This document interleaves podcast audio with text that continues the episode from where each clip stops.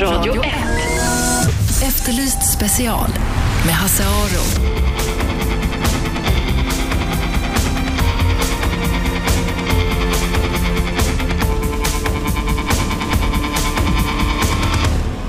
Välkomna hit. Hasse Aro heter jag. Programmet heter alltså Efterlyst special i Radio 101,9. Sveriges nya pratradio. Jag sitter här med Eva-Marie Laurén, rättspsykiatriker och Eva-Maries jobb går alltså ut på att avgöra vilka grova kriminella är knäppa och vilka inte det. Vilka ska få vård och vilka ska få fängelse. Det här är ju en ganska eh, kontroversiell eh, hantering och det finns mycket, det finns mycket fördomar om det här, eller hur Eva-Marie? Vänta, ska du få mikrofonen också? Ja, det finns en del förutfattade meningar och fördomar om hur en rättspsykiatrisk undersökning går till. Ja, men också att det skulle vara på något sätt bättre att få eh, det här att bli klassad som det heter. Att det skulle vara mildare. Men så är det, behöver det inte vara. Nej, framförallt inte eftersom den rättspsykiatriska vården inte är tidsbestämd. Så att man kan ju sitta i rättspsykiatrisk vård i många, många år mot om man hade dömts till fängelse hade man kommit ut efter ett halvår till exempel. Mm, för jag läste någonstans att eh, det vanligaste, eller median, eh, medelstraffet i fängelse, det är sex månader och medelvårdtiden på sjukhus är sex år. Stämmer det? Ja, ungefär fem till sex år. Nu har vi ju någonting nytt också som heter öppen rättspsykiatrisk vård och det betyder att när man kommer ut ifrån vården så kan man ha villkor om att man måste ta emot medicinering under väldigt lång tid och man är kvar under tillsyn under många, många år. Så att det är ju de som aldrig någonsin blir fri från rättspsykiatrisk vård. Och sen är det de som kommer ut kanske efter två, tre år också. Eh, det här är ett ämne som eh, fascinerar folk. Eh, psykiatri och personlighetsstörningar och sådana saker. Det, det är liksom, vad, vad är då en allvarlig psykiatrisk psykisk störning? Vad, vad kan det vara? Allvarlig psykisk störning, det är både ett juridiskt begrepp och ett medicinskt begrepp kan man säga. ja. Och det är domstolen som bedömer om det är en allvarlig psykisk störning och det Mm. gör de på det underlag som man får fram när man undersöker en person Precis. som har begått ett brott. I praktiken är det så här, om du är, om du är åtalad för ett grovt brott, ett mord till exempel, och, och, och, men då måste domstolen misstänka att du är inte helt frisk för att, för att skicka dig till eh, rättspsykiatrisk undersökning, eller hur? Ja, precis. Och det vanliga är ju att domstolen först, om det finns någon typ av psykiatrisk sjuklighet eller personen har betett, betett sig underligt eller bis, det bisarrt brott, då beställer de en liten undersökning först. Och det, det är ungefär 1500 sådana per år i Sverige. Och av dem så går en tredjedel vidare, så ungefär 550 personer per år gör rättspsykiatrisk undersökning. Och då är det där, där ni och du kommer in i bilden. Då tar ni emot den här personen och så gör ni en undersökning av honom. Ja, precis. Och hur går det till undrar man ju då? Sitter Man och har- snackar så här som vi gör? Ja, det gör man. Alltså det är ganska många och långa samtal och det är också psykologtestning. Sen har ju undersökningsteamet då, som består av läkare, kurator eller forensisk socialutredare heter det numera och psykolog har ju då väldigt mycket underlag. Alltså man har hela förundersökningen med alla beskrivningar runt hur det var vid tidpunkten för brottet, alla vittnesförhör, bilder från en mordplats till exempel. Och man har eh, väldigt mycket journalhandlingar, handlingar från socialtjänsten, Migrationsverket, Pliktverket, allt möjligt som man kan behöva har man som ett underlag.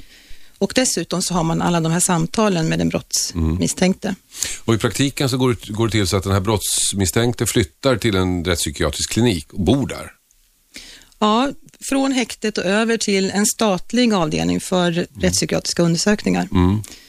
Så att man är där under högst fyra veckors tid. Mm. Och då bor man där och sen så äter där och sen så går man på de här samtalen. Hur mycket samtal är det?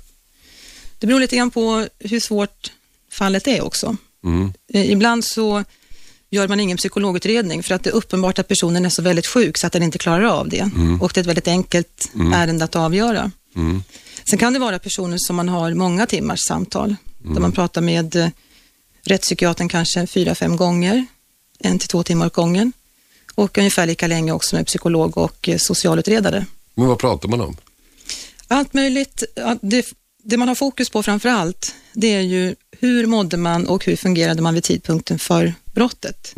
För att det är det som är direkt avgörande för om man överlämnas till vård.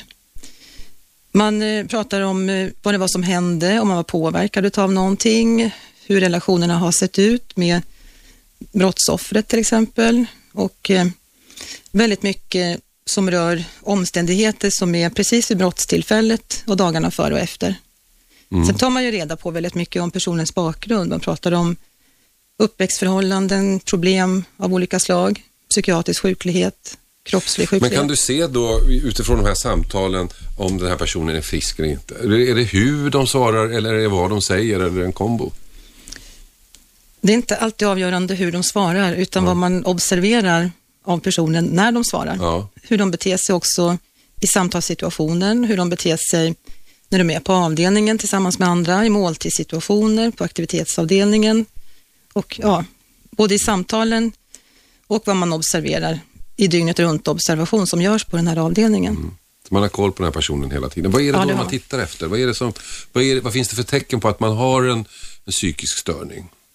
Det som, är allvarligt, eh, det som är allvarlig psykisk störning i lagens mening, det är ju sådana tillstånd med eh, sviktande verklighetskontakt. Alltså när man, har, man lever i en annan verklighet eller man har eh, väldigt mycket av vanföreställningar som inte stämmer med hur verkligheten ser ut. Det kan vara att man har paranoida föreställningar, att man har psykossjukdom där man tror att saker kanske är inopererat i kroppen eller mm. där man också har väldigt svårt att kommunicera med andra människor det blir fel, man kanske drar sig undan, man är skygg. Eh, man visar tecken på att man har någon typ av hallucinationer, röstpåverkan och liknande. Det ser man ju när man observerar en person. Men eh, kan man fejka det här? Kan jag sitta och säga att ja, men jag, det, jag hör röster hela tiden och i min apparat som de har opererat in huvudet på mig? Du kan ju säga det, men om du beter dig på ett helt normalt sätt i övrigt så har jag svårt att tro att du verkligen har den typen av röster som stör verklighetskontakten. Mm. Sen kan man ju ha röster i och för sig, fast man fortfarande har en korrekt förmåga att uppfatta vad det är man har gjort. Man har insikt i vilket brott man har gjort och man uppfattar verkligheten i stort sett som vilken annan person som helst. Mm. Så det är inte bara vad du säger utan hur ter du dig i kontakter med andra och vad finns det för stöd för att du har haft den här sjukligheten vid tidpunkten för brottet? Mm. Men de flesta som ni har då, som, och nu pratar vi ju om personer i, i gråzonen här, alltså som vi pratar inte om de som är helt borta, som vem som helst kan avgöra att den här människan är inte hemma, utan eh, de här som, som, som, ni undersöker och lägger god, god tid på, de, de, har ju varit i kontakt med psykiatrin ofta förut. Kunde man, finns det något sätt, kan du i ditt jobb se att det här kunde de ha sett och förhindrat? Det där är väldigt svårt att avgöra för att eh, de allra, allra flesta som har eh, psykiska sjukdomar, de gör ju aldrig några brott. Och eh, av schizofrena personer så är det väldigt ovanligt att man begår brott överhuvudtaget. De allra flesta som gör allvarliga brott har ju ingen allvarlig sjuklighet. Sen finns det ju vissa personer där man vet att de har eh, väldigt dålig kontroll över sig själva och som har vanföreställningar, kanske paranoia riktad mot en specifik person. Så det kan man ju ha sett innan och förstår kanske i efterhand att här borde man ha agerat lite snabbare för att det här inte skulle ske. Men i de flesta fall är det väldigt svårt att avgöra det. Mm. Ni lyssnar alltså på Radio 101,9, Sveriges nya pratradio. Vi pratar med Eva-Marie Laurén som är rättspsykiatriker och alltså jobbar med eh, eh, människor som begått grova brott och ska avgöra huruvida de ska vårdas eller om de är friska nog att sitta i fängelse. Har du frågor till Eva-Marie Laurén så kan du ringa in dem på 0200 11 12 13. 0200 11 12 13 frågor om rättspsykiatri alltså. Eh, de här störningarna, man pratar ju då om en, en grav, allvarlig psykisk störning. Men så finns det mindre allvarliga. Och jag har en känsla av som lekman att liksom eh, skalan där varierar med lite grann vad som är på mode just nu. Eller? Lagstiftningen har ju ändrat sig och är på gång att ändras igen. Så att eh, hur man bedömer vad som är allvarlig psykisk störning och inte, det mm. beror på vad är det för gällande lagstiftning. Sen har man ju sett att den lagstiftning vi har idag inte riktigt täcker in det man vill och den är inte i linje med hur det ser ut i övriga världen för att vi är ganska ensamma om att överlämna till rättspsykiatrisk vård utan tidsbestämning. Mm. Så att eh, man håller på att titta på lagen och försöker anpassa den så att man ska titta på ett begrepp om personen är tillräknelig eller om den är mm. otillräknelig. Mm. Vi kommer förmodligen att införa det begreppet i Sverige också. Vad innebär det då? Att eh, om det är så att man har begått brottet och man är helt otillräknelig, man har inte förstått innebörden av vad man har gjort, då ska mm. man inte bli straffad. Då ska man gå fri från påföljd. Och man kanske behöver ha någon typ av samhällsskydd om man är så pass farlig så att eh, man är en risk för andra att, att man begår nya allvarliga brott. Då måste man kunna tas om hand på något sätt. Jag gjorde en programserie en gång som hette Ondska där vi tittade på obegripliga brott eller brott till synes helt obegripliga.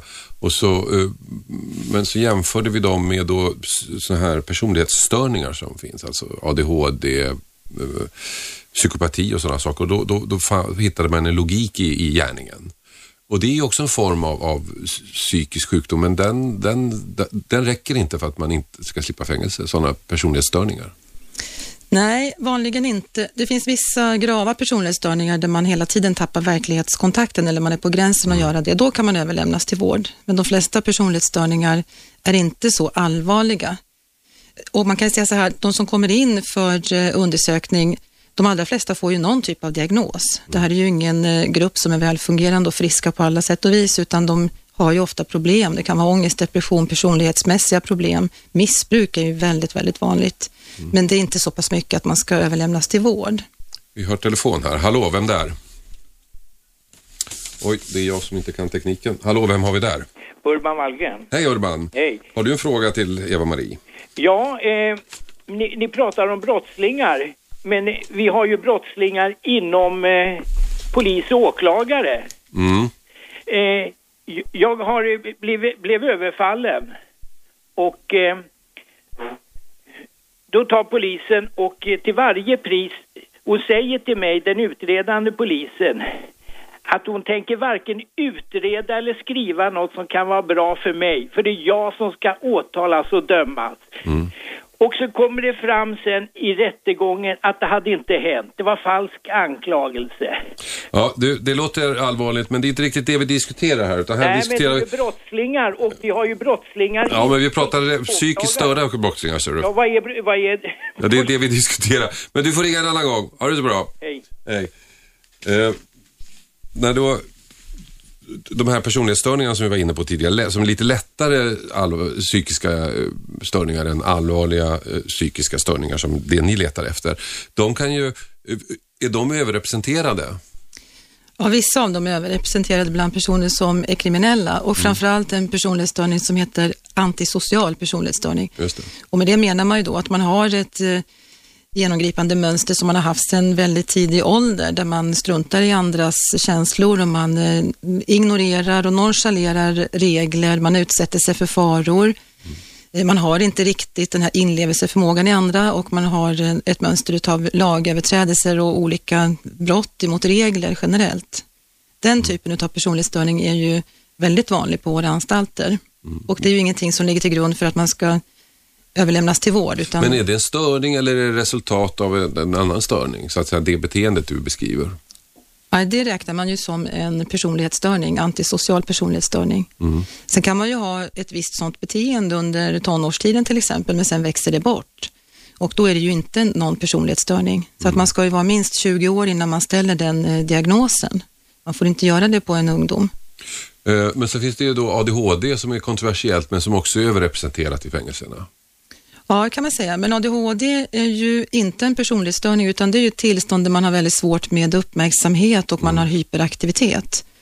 Och de allra flesta med ADHD gör ju aldrig några brott, men de kan ju behöva särskilt stöd och i vissa fall medicinering. Det säger alltså Eva-Marie Laurén, rättspsykiatriker. Ni lyssnar på Radio 101,9, Sveriges nya pratradio. Vi pratar om rättspsykiatri. Vilka, vilka brottslingar är sjuka, vilka är friska, vilka ska vårdas och vilka ska in i fängelse. Har du några frågor till Eva-Marie så är du välkommen att ringa in dem på telefon 0200 11 12 13. Radio 1. Efterlyst special med Hasse Aro.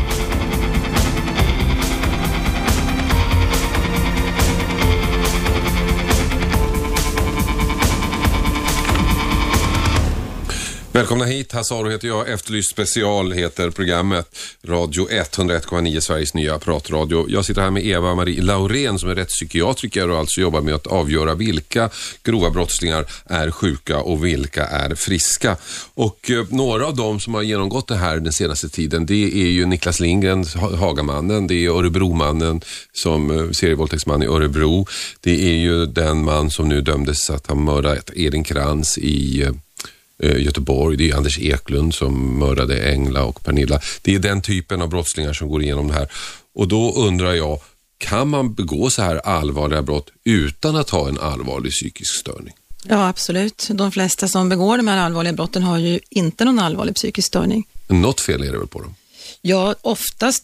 Många har ju olika diagnoser och eh, ibland är det ju missbruk som ligger bakom och det kan ju vara olika typer av personlighetsstörningar förstås. Men det är väldigt sällan fråga om en allvarlig psykisk störning i lagens mening. Och då, då allvarlig psykisk störning i lagens mening, det innebär att man ska förstå att det här var fel? Eller vad, vad, vad, Ja, det vad innebär är den juridiska att eh, liksom, definitionen på detta? alltså, verklighetskontakten ska ha sviktat vid tidpunkten för brottet eller man ska vara präglad av väldigt allvarligt tvångsmässigt fungerande eller ha stora svårigheter att styra sitt beteende utifrån att man har tvångsmässigt fungerande. Väldigt djupa depressioner till exempel kan också i vissa fall innebära allvarlig psykisk störning. Men det förutsätter också att det finns ett orsakssamband mellan störningen och brottet. Det måste vara så att man är påverkad av den störningen vid tidpunkten för brottet. Förut var det ju så att man kunde vara störd vid brottet och frisk vid rättegången och, och, och, och gå fri, men det där har man ändrat på. Ja, det finns ju, man har gjort ändringar i lagstiftningen för tre år sedan och det kommer bli ytterligare ändringar också. Så att det är inte meningen att man ska eh, kunna gå fri från en fängelsepåföljd om man har haft ett tillfälligt tillstånd, till exempel drogutlöst eh, psykos eller drogutlöst paranoia och i övrigt är frisk. Men du då som läkare, kan du se att en person i dina ögon är sjuk? Du tycker att han är sjuk, men, inte, men det håller inte juridiskt. Ja, jag förstår inte riktigt eh, hur du tänker då, men alltså jag ser ju, min uppgift är ju att se och beskriva och ge ett eh, ordentligt underlag till domstolen. Sen är det ju alltid domstolen som avgör och det vet ju jag att det domstolen ska avgöra frågan hur personen ska dömas utifrån vad jag har skrivit och, beskrivit. Så att jag har ju liksom inga synpunkter på domstolens arbete, de äger ju den här frågan. Mm. Men, ska inte du, eh, men du, du ska ändå ur juridisk mening komma med ett utlåtande. Har den här personen allvarlig psykisk störning? Ja, det är ganska långt utlåtande där man beskriver olika problem och framförallt hur det har varit vid tidpunkten för Men brottet. om, om jag försöker uttrycka mig så här, om den här personen kommer till dig som psykiatriker, inte i det här sammanhanget utan i ett annat sammanhang, säger jag, mår- jag, jag mår dåligt. Kan det här vara då en person som du i, i det sammanhanget skulle föreslå, ja, du behöver nog vård eller du behöver nog medicin, fast men i det här i ditt, när det gäller juridiken så blir det fängelse. Förstår du hur jag tänker? Ja. Det finns ju många som också, de sviktar psykiskt, de behöver ha hjälp, de behöver medicinering, de behöver ha en kontakt med psykiatrin. Och det kan man ju också få under tiden som man är i fängelse. Om man skulle bli tillräckligt sjuk senare under en fängelsepåföljd kan man ju när som helst överlämnas, eller inte överlämnas, man kan gå över tillfälligt till vården. Man är fortfarande under sin verkställighet på fängelse, men man får den vård som man behöver. Så fängelse behöver inte innebära att man är helt eh, isolerad från vården. Det finns inga vattentäta skott däremellan, utan det finns många som återkommande behöver eh, hjälp med psykiska problem. Du sa under pausen här att de flesta vill prata. Ja, många som har begått brott, de mår ju dåligt av det de har gjort också när det kommer ifatt dem, att eh, de har gjort något väldigt brutalt. De kanske har dödat den som stod dem allra närmast och de vill prata om hur de mådde och vad som har hänt och så. De vill berätta om sitt liv och de brukar vara väldigt eh, öppna i de här samtalen. Det är inte svårt att få personer att- berätta om sig själva. Det säger alltså Eva-Marie Laurén som är rättspsykiatriker. Vi pratar om rättspsykiatri här i eh, Radio 101,9, Sveriges nya pratradio. Eh, och du säger att de flesta vill gärna prata för att de har begått den här gärningen och det, det tär på dem. Men de som nekar då? De, de, den som nekar till en gärning, som i Elin Krantz-fallet till exempel, den, den killen nekar ju till att han har gjort den här gärningen. Hur, hur samarbetsvillig är en sån person?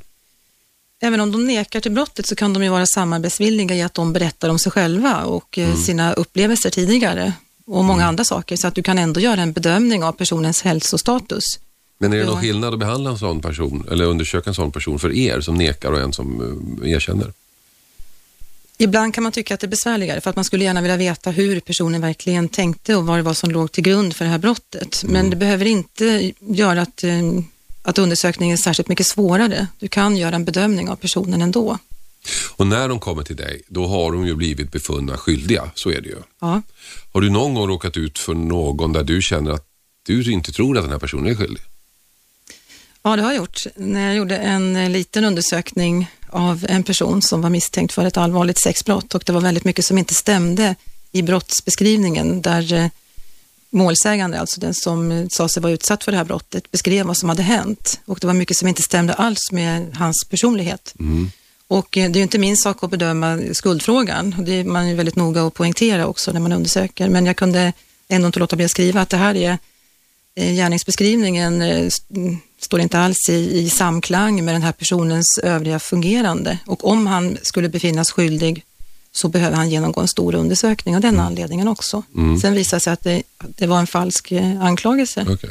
Så att eh, han var inte skyldig. Men, men en sån människa då måste ju vara förtvivlad när den kommer till dig? Ja, absolut. Många är förtvivlade när de genomgår mm. undersökning. Ja, men man måste vara extra förtvivlad om man vet att man är oskyldig. Ja, ja visst.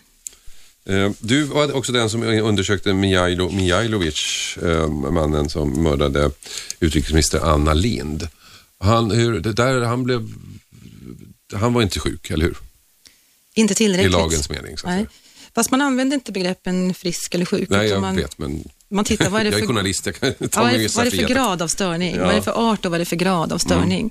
Och det är klart att han hade mycket problem, väldigt mycket psykiska problem. Han hade också mm. varit aktuell i psykiatrin under flera år. Men vi ansåg inte att det nådde upp till vad man menar med allvarlig psykisk störning. Han hade insikt i vad han hade gjort för någonting och eh, det fanns också eh, mycket runt omkring eh, vad som var aktuellt vid gärningstillfället som visade på att hans verklighetsuppfattning var, verklighetsuppfattning var helt normal. Mm. Det diskuterades ju då i samband med det där huruvida, hur medveten han var att det här var Anna Lind eller inte och hur pass och att det, det fanns en motivbild egentligen och att det inte var så av stunden ingivet händelse. Vad har ja. du för uppfattning? Ja, nu ställer du svåra frågor som jag har svårt att svara på eftersom det är sekretess. Men min uppfattning är att han var helt medveten om vem det var han mördade. Det var helt uppenbart. Okej, okay, tack så mycket Eva-Marie att du kom hit. Eva-Marie Laurén som är rättspsykiatriker och överläkare och jobbar med personer som har begått allvarliga brott och som eh, ska genomgå rättspsykiatrisk undersökning. Lyssna på Radio 1, 101,9, Sveriges nya pratradio. Jag heter Hassar och programmet heter Efterlyst special. Radio 1. Efterlyst special med Hasse Aro.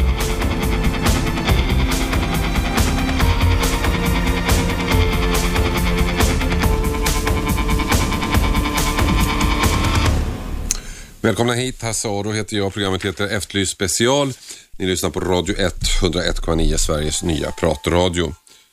Hur långt får polisen gå för att klara upp ett mord? Vilka metoder kan man använda för att sätta press på en misstänkt person för att få fram ett erkännande? Får polisen skrämma skiten ur honom helt enkelt? Ja, det här är frågor som har blivit aktuella efter en dom i hovrätten. Det gällde ett mord där polisen använde sig av minst sagt okonventionella metoder för att få den misstänkte att erkänna. Tingsrätten tyckte det var okej okay och dömde honom. Hovrätten däremot tyckte att det var att gå för långt. Den misstänktes mänskliga rättigheter kränktes helt enkelt och det är ju ganska allvarligt. Allting började 2005 när Maud Johansson i Sandviken försvann. Polisen trodde hela tiden att det var en kompis till henne, Christer, som var skyldig och att han hade mördat henne. Men han nekade och det fanns ingen kropp så att det såg svårt ut. Men förra året, fem år efter att Maud försvann, så gav sig åklagaren 17 på att lösa mordet. Så man hittade på två personer, MC-busen Mike och den så kallade ryssen. Två poliser med skådistalanger fick spela de här skummisarna och syftet var att få Christer att bryta igenom. Vi gjorde ett reportage om det här i Efterlyst när tingsrätten kommit med sin dom och så här lät det reportaget.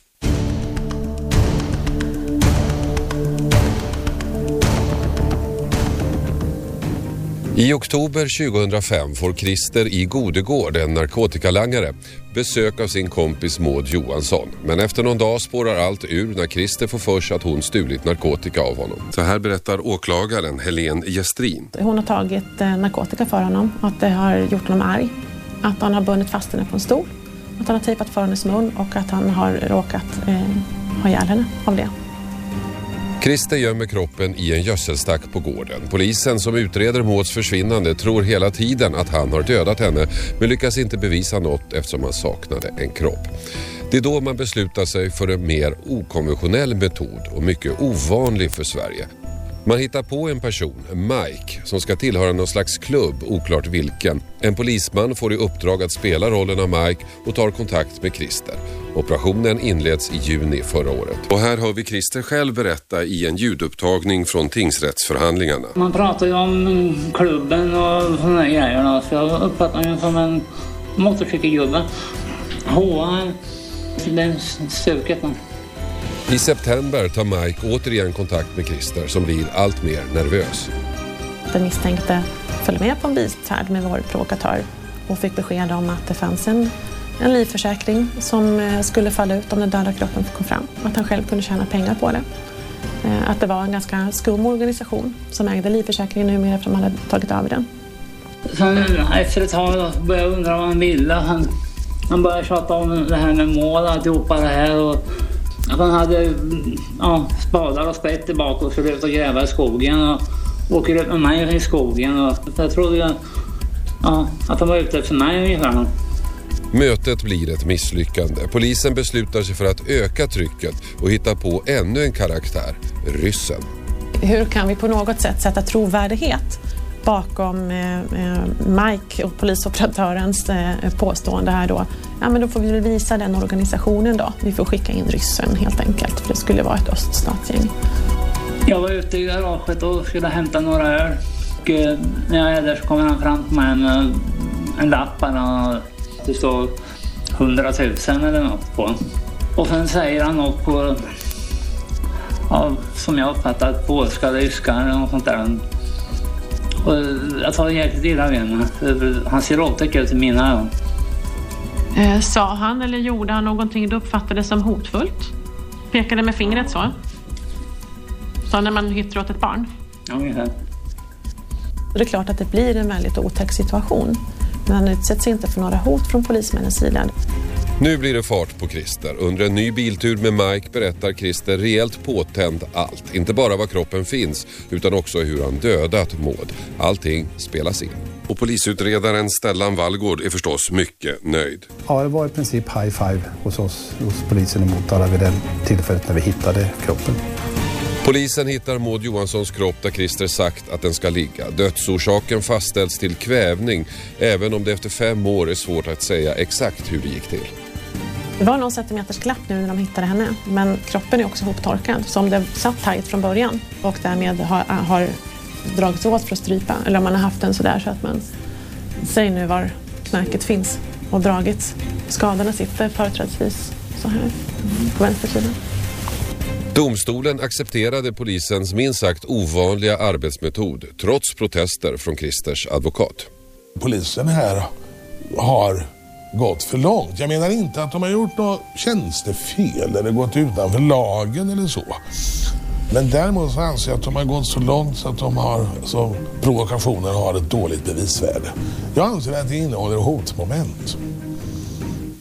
Och sist här hörde vi alltså Christers advokat Anders Berglund. Han tyckte att polisen gått för långt när de hittade på mc-busen Mike och ryssen. Och Anders, du är med oss på telefon nu. Jajamensan. Och eh, du överklagade det här eh, domen för din klient blev ju dömd för mordet. Du överklagade det till, till hovrätten. Varför det? Jo, det var ju en självklarhet att överklaga domen till hovrätten. Det, det, det, det är ju så självklart så att eh, det kan jag inte besvara. Utan det, var ju, det var ju givet. Han, och, sen blev det en ändring i, i, hovrätten. Ja, han fick sänkt straff. Han fick sänkt straff. Han ansåg alltså inte, hovrätten säger så här, att det, det så kallade erkännandet det tillmätte hovrätten ingen betydelse. De menar på att det inte ens en gång i huvudsak eller någonting har något bevisvärde med tanke på provokationens karaktär. Däremot menar de på då att eh, han, eh, eh hans rättigheter enligt sjätte artikeln i Europakonventionen var kränkt. Så han prutade av tre år från tio till sju. Mm. Men faktum kvarstår, han erkände det här mordet och han har ju gjort det. Han har ju mördat Maud. Nej, det påstår han bestämt att han inte har gjort. Men han visste var kroppen låg, det är vi överens om. Ja, det visste han. Och för detta blir han ju dömd. Ja, han blev dömd för, för detta, ja. Men jag anser alltså fortfarande, vi har ju alltså det här, ett överklagande i Högsta domstolen just nu. Mm. Och, Men är det inte lite konstigt då när man ser reportage på tv eller så här tv-deckare så att om man hittar något fel i rättegångsordningen så går, går eh, klienten fri så att säga. Men i ditt fall så sa man ju att det här var inte okej, men han är fortfarande dömd. Ja, i och för sig så, så kan man väl spetsa till det, men, alltså, men min uppfattning är ju den, och som jag bygger mitt överklagande till Högsta domstolen på, va, även själva utpekandet av var kroppen låg skedde under hot, påtagliga hot och narkotikamissbruk. påverkan. Va? Och därmed har han ju möjliggjort för eh, alltså polis och samhället att eh, eh, straffa honom. Han har liksom satt dit sig själv genom att peka ut. Va? Och det är just den frågan jag vill att Högsta domstolen ska titta på. Ja. Men man kan ju vända på det, oavsett hur full, påverkad och rädd han var så visste han ju var kroppen låg.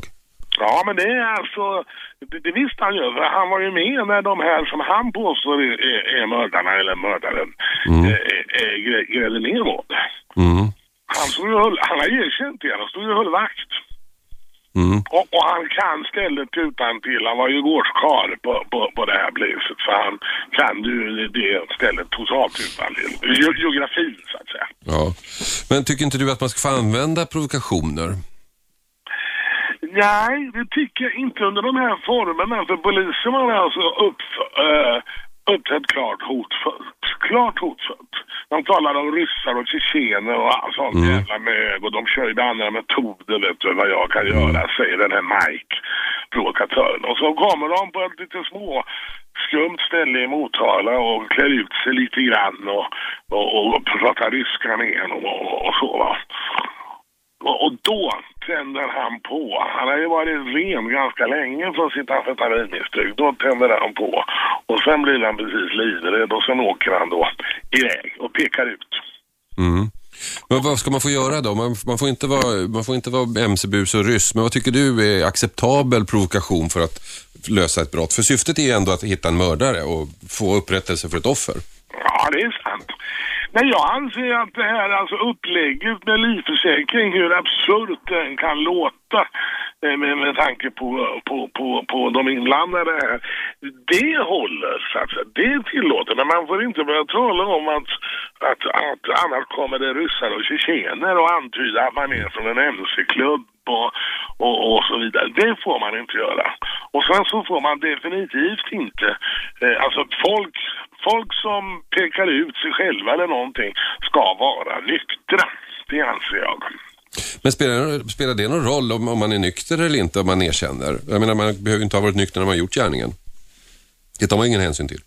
Nej, men du vet att vi har ju ett rättssamhälle och man ska ju kunna, alltså man, man har ju rätt till en fair trial som man säger, rättvis rättegång. Och eh, det har han ju inte i det här läget alltså.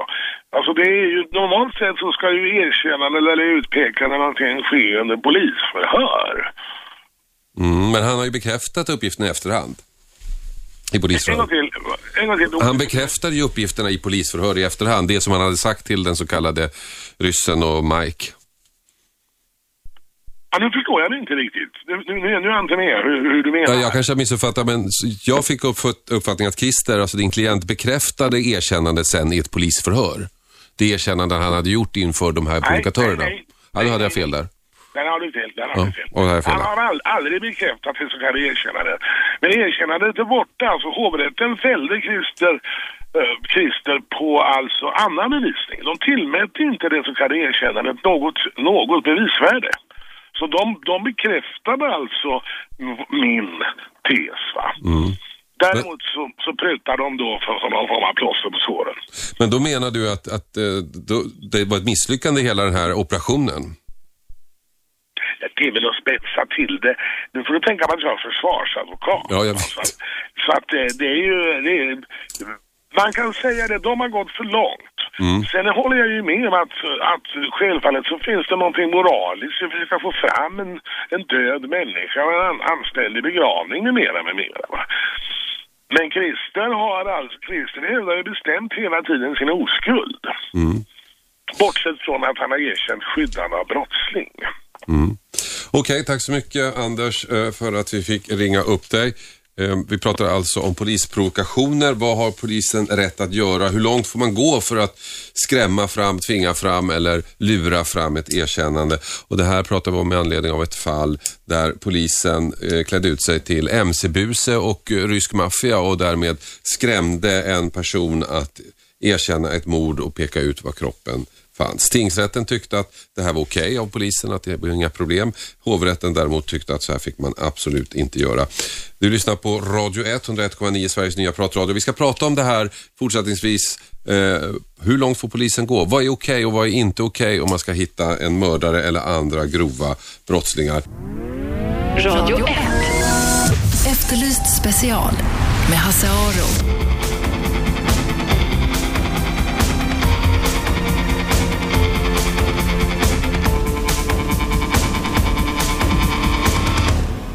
Välkomna till Radio 101,9 Sveriges nya pratradio. Jag heter Hasse Aro och programmet heter Efterlyst special. Och vi pratar om hur långt, är det, hur långt ska polisen gå för att kunna lösa ett mord? Eh, får man skrämma folk? Får man luras? Får man uppge sig att vara någon annan? Man klär ut sig helt enkelt för att få fram ett erkännande och hitta en kropp. Och allt det här eh, med anledning av ett fall i hovrätten där hovrätten har sagt att det här är nog inte riktigt okej okay att göra så här. För det här började 2005 när Maud Johansson i Sandviken försvann och polisen trodde hela tiden att en kompis till henne, Christer, var skyldig. Men han nekade och det fanns ingen kropp så att det såg kört ut. Men förra året Fem år efter att hon hade försvunnit så gav sig åklagaren 17 på att lösa det här fallet. Så man hittade på två personer. MC-busen Mike och den så kallade ryssen. Två poliser med skådistalanger fick spela de här skummisarna och syftet var alltså att få den misstänkte Christer att bryta igenom. Och det här lyckades eh, faktiskt ganska bra. Christer er, erkände för de här två som han trodde skumma personer, erkände mordet och dessutom visade han var kroppen fanns. Han dömdes i tingsrätten för mord men hovrätten tyckte inte att det här var okej. Okay. De dömde visserligen Christer för mord där också fast på annan bevisning. Eh, de menade att det här var att gå för långt för polisen. Helene Gestrin var åklagare i det här mordet och det var hon som godkände operationen med MC-busen Mike och den så kallade ryssen. Eh, och så här säger hon om att tingsrätten sen, eller hovrätten sen eh, tyckte att det här var att gå för långt. I hovrätten ansåg man att bevisprovokationen hade genomförts på ett sätt som gjorde att det blev en orimlig påfrestning på den misstänkte och eh, därmed hans rättigheter enligt Europakonventionen hade åsidosatts om mm. hans rätt att tiga under brottsutredning. Och eh, med anledning av det så justerade man då straffet. Han dömdes fortfarande för mord men istället för tio års fängelse så blev det sju. Mm, men man kan säga att eh, hovrätten var kritiska mot era metoder där med provokatörer. Ja, hovrätten var delvis kritiska. Eh, hovrätten är kritiska mot inslag i provokationen som man tycker har, har, gått för långt och inneburit en för stark personlig påfrestning. Sen belyser man andra delar av provokationen som man tycker har fungerat väl och eh, som man Eh, och tycker också att eh, hans rättigheter inte helt har åsidosatts eftersom provokationen i helhet har filmats så har man kunnat studera den i efterhand och den misstänkte har kunnat eh, förklara sina göranden och låtanden och fått kommentera och så vidare. Men det, delvis kritisk har man varit och det handlar om upplägget eh, omkring eh, introduktionen av eh, vad som framstod som kriminella personer mm, mm. som visade intresse för den här livförsäkringen. Den här Mike och, och ryssen framförallt. Mike och ryssen, ja. ja. Eh, men ni visste väl när ni gjorde det här att det här var lite kontroversiellt? Provokationer i sig är inte kontroversiellt. Provokationer är en arbetsmetod som används länge och som regeringen i upprepade uh, uttalanden och statsmakterna så att säga ställt sig bakom i ett antal olika utredningar. Men däremot så är, ju, Eh, är det ganska ovanligt att man använder provokationer av det här slaget. Det är använt bara i allvarliga fall. Andra andra möjligheter ska vara uttömda och det ska genomföras på ett rättssäkert sätt. Det som är ovanligt i, i, i den här provokationen är att det har rört sig om ett, ett cold case-mord och då är det svårt att bygga en provokation som på något sätt motiverar den misstänkta att tala om vad man har, har lagt en dödad kropp. Så du menar att ni måste ta i här liksom för att det ska funka helt enkelt? Inte att man måste ta i, men det är svårt att hitta en plausibel, eh, plausibel förklaring till varför man visar intresse för att hitta en död kropp. Mm. Och då var en livförsäkring det är helt enkelt det enda vi kunde komma på. Vad tycker eh, du om domen då? Det, det som är kontroversiellt med, med eh, eh, provokationer är väl just det här med att eh, den misstänkte faktiskt förs bakom ljuset när man använder undercover. För provokationer i sig innebär ju inte att man alltid gör det. I det här fallet har vi använt undercover-agenter. Och där finns en diskussion om det anses vara lämpligt eller olämpligt. Och det är bra att vi för en sån diskussion. För det är Om- inte särskilt lätt detta. Nej, men om ni då hade gjort det här på ett sätt som hovrätten då hade godkänt, det här nu är vi hypotetiska, men vi säger det, ni hade gjort det här, ni hittat en väg som hovrätten hade godkänt. Hade ni då fått ett erkännande tror du? Jag vet inte riktigt vad hovrätten skulle ha, ha tyckt var okej. Okay. Det framgår inte så tydligt. Man pekar på flera omständigheter i domen. Det faktum att vi använder undercoveragenter, eh, Det faktum att vi utlovar pengar, för det är det vi i huvudsak gör. Det är att fresta med livförsäkringspengar. Det är det provokationsupplägget går ut på egentligen. Det är att fresta med pengar. Och sen så pekar man på en, en, en oklar hotbild som den misstänkte upplever sig ha känt. Eh, Så det är flera olika omständigheter hovrätten pekar på. Så det är lite svårt att utifrån det säga eh, vilket slags upplägg de hade tyckt var okej. Hade det varit okej med det här upplägget om man tog bort eh, gänginslaget eller inte? Men nej, jag kan inte se att vi hade kommit till den punkten att vi hade hittat Maud Johanssons kropp utan den här provokationen. Men jag man- kan inte heller riktigt se hur vi skulle ha kunnat genomföra den på ett annat sätt. Det är Nej, klart om man att tittar- polismannen hade kunnat eh, välja sina ord något annorlunda. Mm. Eh, Men om man tittar på upplägget nu så, så det, det, i stort så, så går det ju ut på att han blir ju faktiskt rädd och i sin rädsla så erkänner han och avslöjar var, var kroppen finns. Så att på något sätt så är, ju- är ju det här att man skrämmer honom är på något sla- slags sätt centralt. Ja, syftet var att han skulle bli obekväm. Alltså syftet var inte att hota honom. Det har aldrig varit syftet och det var, har polisen haft tydliga instruktioner om att man, man får inte och det framgår också av liksom allmän lag att polisen får inte hota folk. Men syftet var att han skulle känna sig obekväm och syftet var att han skulle vara frestad av de här ganska stora pengarna han erbjöds. Mm. Eh, ser du det som ett misslyckande att ni fick bakslag i hovrätten? Ni fick ju ändå ett erkännande och en dom. Vi hade förnekat brott hela vägen ut. Eh, erkännandet finns bara i provokationen, inte senare under processen. Jag kan inte se det som ett misslyckande att vi har lyckats hitta Maud Johanssons kropp, att hennes familj har fått veta vad som hände. Jag kan inte se det som ett misslyckande att vi har en dömd gärningsman som avtjänar straff. Säger alltså Helene Gestrin som var åklagare i det här kontroversiella eh, målet i Sandviken när man använde sig av polisprovokatörer, undercover-agenter som utgav sig för att vara MC-buse och rysk maffia för att skrämma fram ett erkännande. Hur långt kan polisen gå egentligen i sina försök att få fram en mördare, att hitta eh, en kropp och att få ett erkännande? Det ska vi diskutera. Du får vara med i den här diskussionen om du vill. Du kan ringa in 0211 12 13 0211 12 13. Eh, Med på telefon finns överåklagare Nils-Erik Schultz som tycker att man ska vara mycket restriktiv med den här typen av metoder om jag förstått hela rätt. Nej, det är nog inte korrekt. Nej. Utan det lilla jag nu har hört av det här samtalet så eh, tycker jag att, alltså dels tycker jag inte att det är ett bakslag om nu hovrätten sänkte straffet utan detta är väl föredömligt hanterat. Alltså jag har ingenting emot eh, ganska offensiva metoder när det gäller provokation och så vidare. Så det är nog en fel bild som har getts för mig. Vad jag är då kritisk till det är ju det att polisen gärna inte vill redovisa att man har provocerat. Men, då, men det har man gjort i det här ärendet som ni pratade om tidigare. Så, och det är därför som hovrätten sa, ja, på grund av provokationen så sänker vi straffet. Men där har ju både försvarare och domstolar fått full insyn i vad det är som har skett. Vi, fortsätter, vi ska fortsätta diskussionen efter pausen. Hur långt kan polisen gå eh, för att tvinga fram ett erkännande? Är det okej att använda undercover-agenter, hemliga eh, informatörer och ska man i sådana fall berätta att man har gjort det eller inte? Spelar det någon roll? Radio 1. Efterlyst special med Hasse Aro.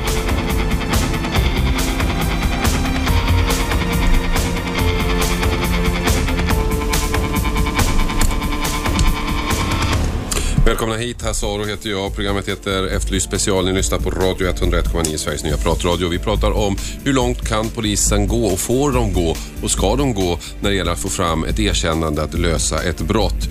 Vi har precis pratat om ett fall i Sandviken där poliser utgav sig för att vara mc-busar och ryska maffiamänniskor i syfte att skrämma fram ett erkännande.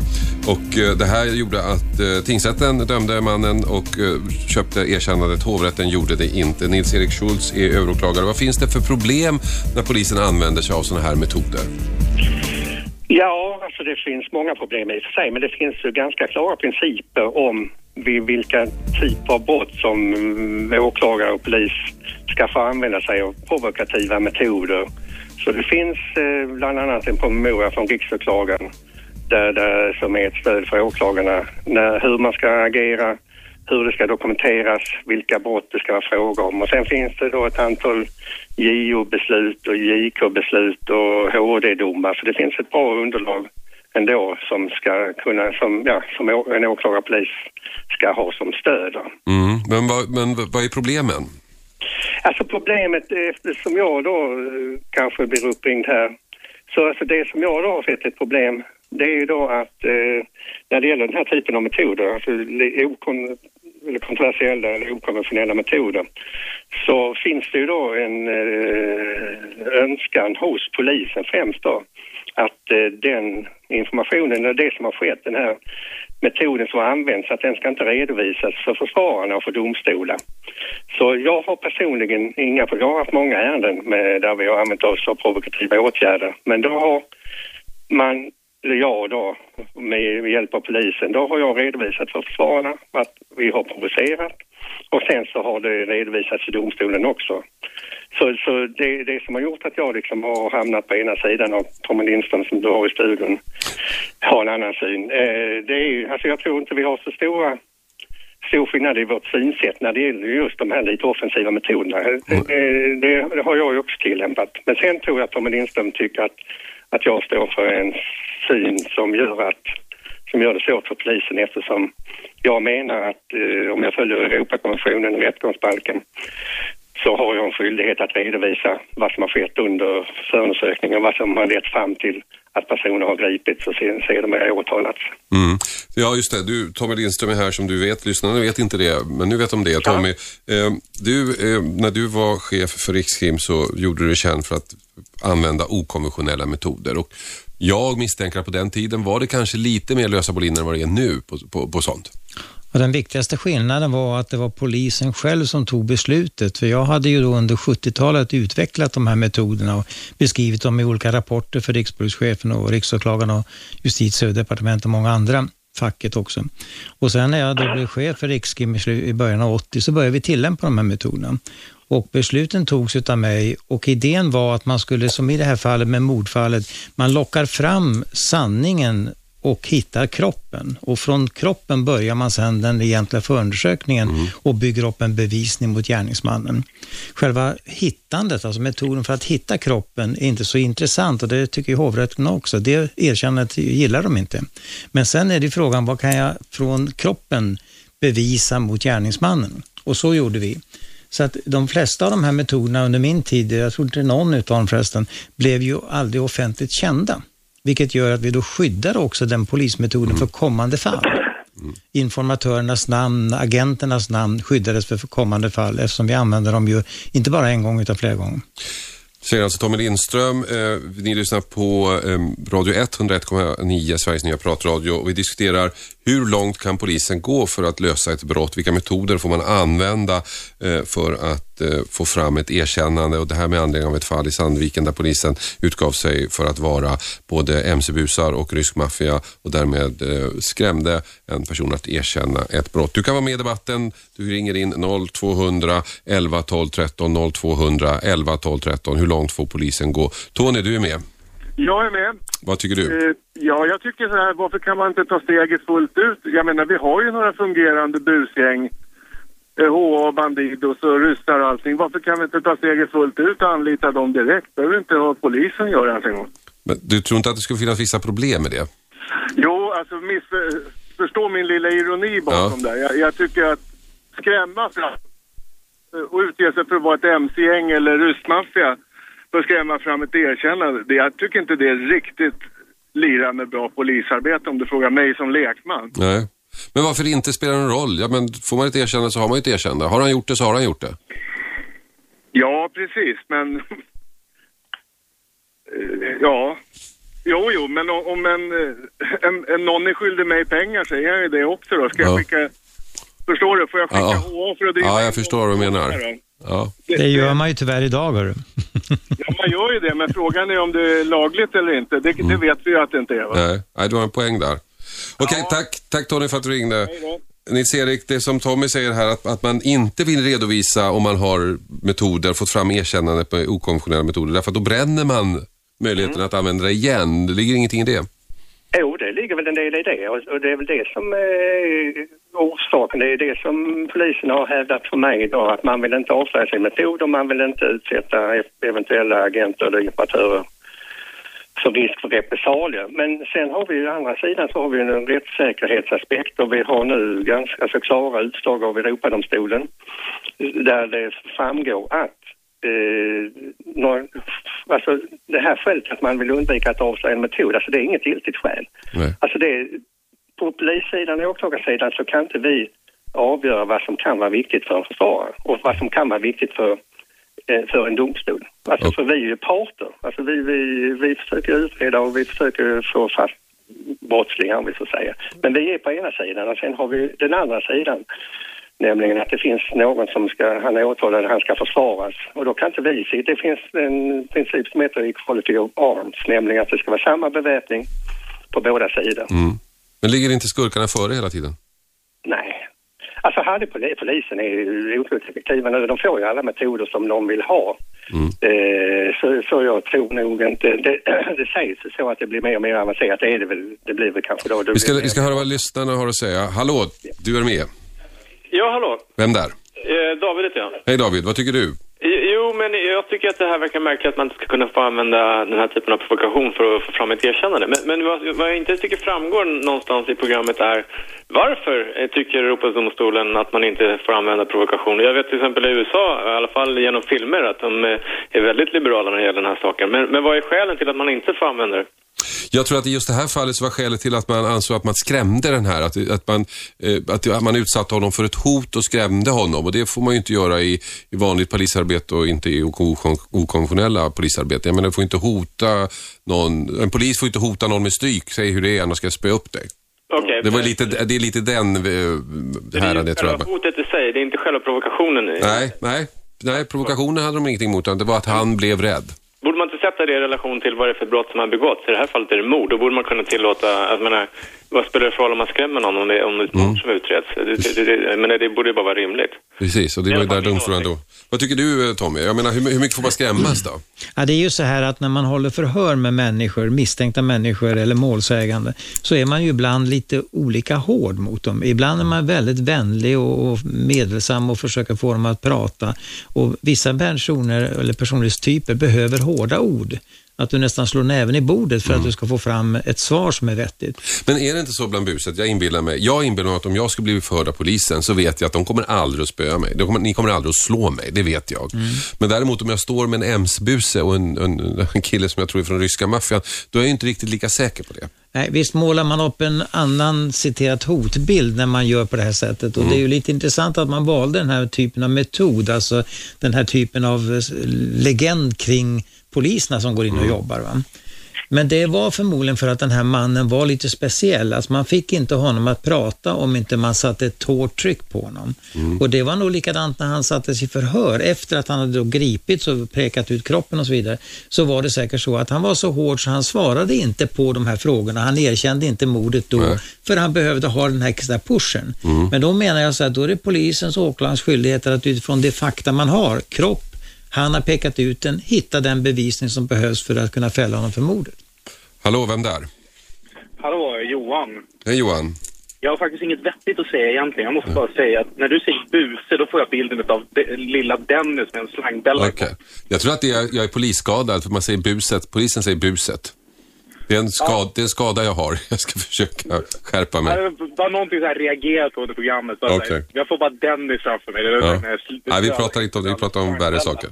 Tack ska du ha. Hej. Nils-Erik, du, tyckte, du såg inga problem i den här provokationen som skedde här i Nej, alltså, Sandviken? Jag kan ju inte alla detaljer, men alltså, Mm. hovrätten har väl inte heller totalt sågat. Eh, Utan de har ju vägt eh, för och emot här och sen tycker de kanske, det har, det har framgått av förmodligen att den här mannen blev väldigt rädd. Men hovrätten hade ju kunnat ogilla helt. Ja, det gjorde de inte. För då, Det gjorde var- de inte, utan det, det, alltså ändå så har man ju väl nog haft en viss acceptans för att metoden har använts, men sen kanske man tycker att det har gått lite väl långt. Och, jag tänkte när jag lyssnade på åklagare innan tidigare så var ju hennes uppfattning alltså skäl, det var ju inte så att man hade någon tanke på att han skulle skrämmas så som det kanske blev då. Nej, så jag ser liksom inga, utan återigen det har redovisats i domstolarna, försvararna har fått kunskap om det och alla har fått argumentera och sen har domstolarna analyserat och dömt. Så jag tycker det ser bra ut. Du lyssnar på Radio 101,9. Hallå, vem är där? Roger heter jag. Hej Roger. Hej. Jag tycker att de här metoderna är helt okej. Men eh, på det sättet att eh, ja, killen kan ju alltid säga att han blev skrämd till att erkänna. Det kan säkert hända. Men i och med att de har hittat kroppen eh, så är ju målet uppfyllt och därifrån kan man ju göra det man ska och, hit, och ta dem på bevisning och teknisk bevisning. Men om man inte har något annat bevis då? Om man bara har hans eh, framskrämda erkännande? Ja, då är det ju tråkigt och då finns det ju en risk att han är oskyldig också. Mm. Så där behöver man ju med en sån här metod ha någon backup-plan för att förr eller senare så råkar det bli någon som kanske inte är skyldig som råkar ut för något sånt och det skulle naturligtvis vara det, det kan säkert vara jättejobbigt för den personen. Då får man väl ha någon backup-plan för hur man kan hantera det i så fall. Okej, tack Roger. Du lyssnar alltså på Radio 101,9, Sveriges nya pratradio. Och vem har vi med oss nu? Lars, Hej Lars. jag funderar precis på vad förra killen sa. att, Men vad hade hänt om den här killen nu inte hade varit med och begravt den här tjejen eller något. Men, man har skrämt skiten ur någon stackars jävel som snuten bara, äh, men det är du som har gjort det. Punkt slut. Vad, vad hade hänt då? Mm. Tommy, vad hade hänt då? Ingenting, för då hade man inte kommit fram till en kropp och då hade man inte haft eh, mordet ens. Nej men alltså, vad hade den här killen, om man nu varit så skrämd, men om, om hon hade kommit fram till mig och sagt tjena, du har gjort det här brottet, jag behöver lite deg, deg för att vi ska fixa det här. Men nej, jag hade ju varit förstörd för hela livet. Mm. Men det är ju inte schysst att säga att det är samma metod. Men när man går in och säger du har gjort det här, punkt slut. Men man kan ju inte bara gå in och... Fast i det här fallet kunde han ju peka ut kroppen så att säga. Det var ju Ja, ändå... det, det visste de ju inte från början. Nej. Ja, men det var nog så vet du att man var säker på att han hade grävt ner henne så att eh, målet med hela operationen var att hitta kroppen och från kroppen kunna vägleda bevi eller leda bevisning mot honom. Men om man inte hade hittat, som, som Lars är inne på, om man inte hade hittat kroppen då? Han, han, och, så har du en stackars rädd människa och, som man släpper ut. Ja, men då hade du, hade du inte hittat kroppen så hade du heller inte haft någon case att operera med. Skulle då polisen... han, han hade ju varit mått jävligt dåligt. Det är med hotet. Om han Mm. nu känner sig hotad. Men han, men han kan ju inte säga att ah, shit, nu stack alla. Eller vad, vad hade hänt? Men hade han liksom gått där i tre år och funderat på snart kommer de här ryssarna och kommer att slå och klubba ihjäl mig. Du, men, du menar polisen hade inte sagt till honom att vi bara skojar? Nej, nej men typ. Nej, men, Ja. ja. Okej, du ut, ut, eh, plockade ut utred, utredningen, men menar, han, är ju, han är ju bränd för livet för sin egen skull. Han tror ju att de här finns, ja. Ja, precis. Det är det jag menar. Att, att H och att Bandidos och vad det nu kan vara, var ute efter honom. ja. Det är en bra synpunkt. Tack ska du ha Lars för att du ringde. Radio 1. Efterlyst special med Hasse Aro.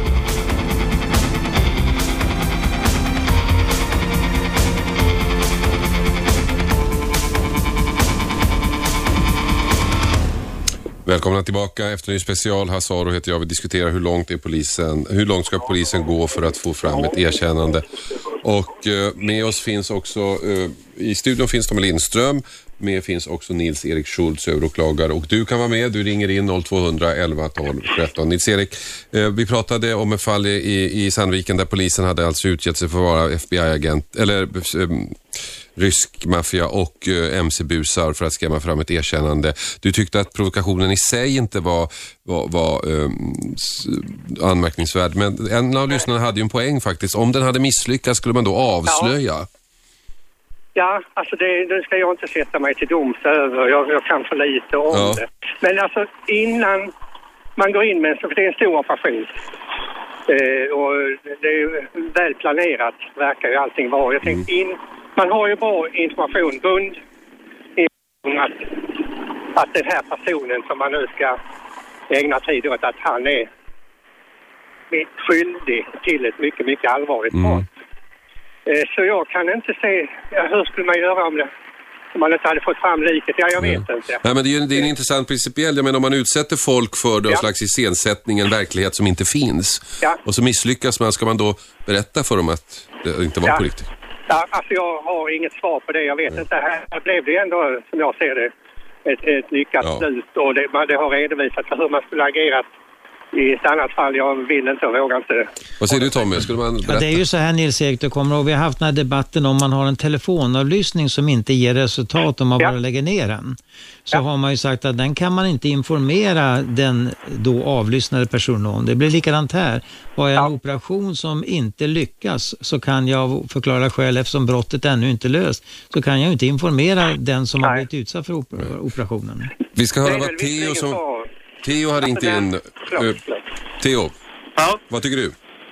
Jag tycker att det var jättebra att de, eh, att deras idé att de eh, pressade fram ett svar liksom, eftersom han var skyldig och förmodligen hade de bra bevisning, eller inte bevisning, men de hade mm, bra misstankar mot honom. Och det är ju bra i sig, men, men att man ska att man ska fortsätta använda sådana här grejer tycker jag att då ska det gå genom väldigt strikta förhållanden, alltså när man får använda det och inte. Att det inte blir för liksom varje minsta lilla grej som händer så kommer polisen att hota ens livet liksom för att man ska någonting. Ska polisen få begå brott tycker du Theo? Eh, nej, nej det får de inte göra, men... Eh, eller brott, det beror på på vilket sätt, men hot liksom, eh, ja, grejen är att jag tror att de gör ändå liksom, så det är ju inte, det är inget mer med det. Mm. Tack ska du ha. Det är nämligen så att Stefan Reimer som är eh, regeringens utredare har lämnat över ett förslag på hur man ska, vilka metoder som ska få användas. Och han säger att han tycker att polisen ska kunna få begå brott i sitt, eh, eh, sitt eh, arbete att eh, få fast brottslingar. Och vad kan det vara för typer av brott Tommy som de menar då? Ja, det är ju inte trafikbrott till exempel under skuggningsoperationer och sådana saker, utan det är förmodligen brott som har ett, eh, som är en slags nödvändig länk för att nå fram till det brottet man ska uppdaga. Och I vissa länder har man pratat om att man får en offentligrättslig bikt, alltså man talar om vad man har gjort och så har man offrat ett mindre intresse och vunnit ett större och så säger då någon domare eller åklagare att okej, då, då bjuder vi på det här, då får ni göra det. Amerikanarna, ni som lyssnar på det här programmet, ni har sett många filmer. Amerikanarna kör brottsprovokation. De provocerar alltså fram själva brottet för att komma upp bevis Ja, men om de själva begår ett brott för att provocera fram brottet. Ja, då, det klarar de också. Vad säger du Nils-Erik, den här nya utredningsförslagen att polisen ska få begå brott?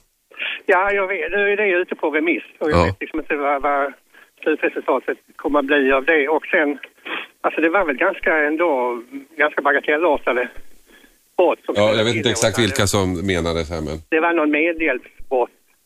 Så det skulle inte vara, jag tror till och med att det stod att det skulle inte vara brott på fängelsenivå. Nej. Utan så jag undrar om inte det är, det kommer nog inte bli så mycket utav det där tror jag. Men är inte, ställs inte allting på sin spets eh, när man pratar om okonventionella polismetoder? Om man har infiltratörer, där man har en, en man inne i ett brottsligt gäng och han måste hänga med på olika to- typer av brott för att inte avslöja sig. Och det är väl det jag tror man har haft lite i tanken här. Alltså för är man inne i en kriminell organisation eller ett kriminellt gäng så kan inte en bara sitta och titta på. Nej. De andra är ute och bank, bankar på någon och ska pressa på pengar. Men alltså jag tror inte med det här förslaget att det ska vara tillåtet för en informatör eller infiltratör att vara med och misshandla någon person. Nej, Jag men, men, men generellt Nils-Erik är det ju så här att man ska inte acceptera att man får begå brott för att uppdaga brott. Nej, precis. Det tycker inte jag. Hallå, vem där? Hans Malmgren. Ja, vad tycker du? Jo, jag, jag tycker att Sverige är en ankdamm. Vi tror att vi lever utanför um, all, allt hederligt brott. Alla, alla grova brott. Och som är utvecklingen har skett inom brottsstatistiken så är det att de grövre brotten har tagit över. Och, eh, och, det, och det medför ju mycket mera misshandel. Men då menar du att polisen ska ta, få ta till okonventionella metoder för att lösa de här brotten? Ja, som utvecklingen ser ut som nu så är det ju fruktansvärt. Polisen måste hänga på.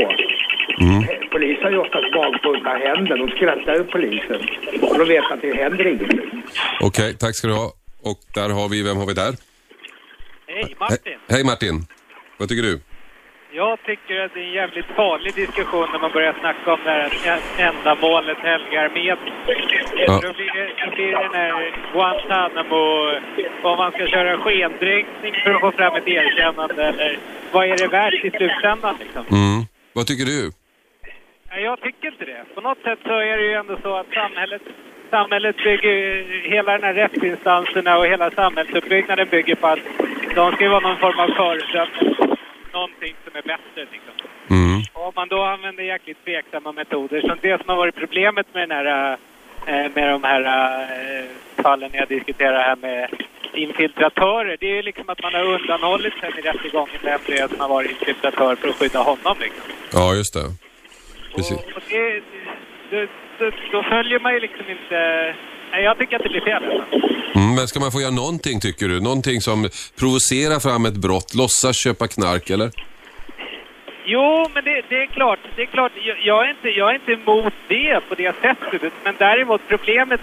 Man, man ställs ju inför en massa problem som det här med infiltration då. Liksom, att om man nu verkligen inte vill, vill... Det är klart att det är en jävla fara för den här infiltratören och att det kommer fram sen i efterhand. Liksom. Precis. Och, och har, man ingen bra, har man ingen bra lösning på det problemet så kan man ju liksom inte fuska sig till det genom att eh, göra en falsk förundersökning eller vad man ska säga. Eller undanhålla den informationen.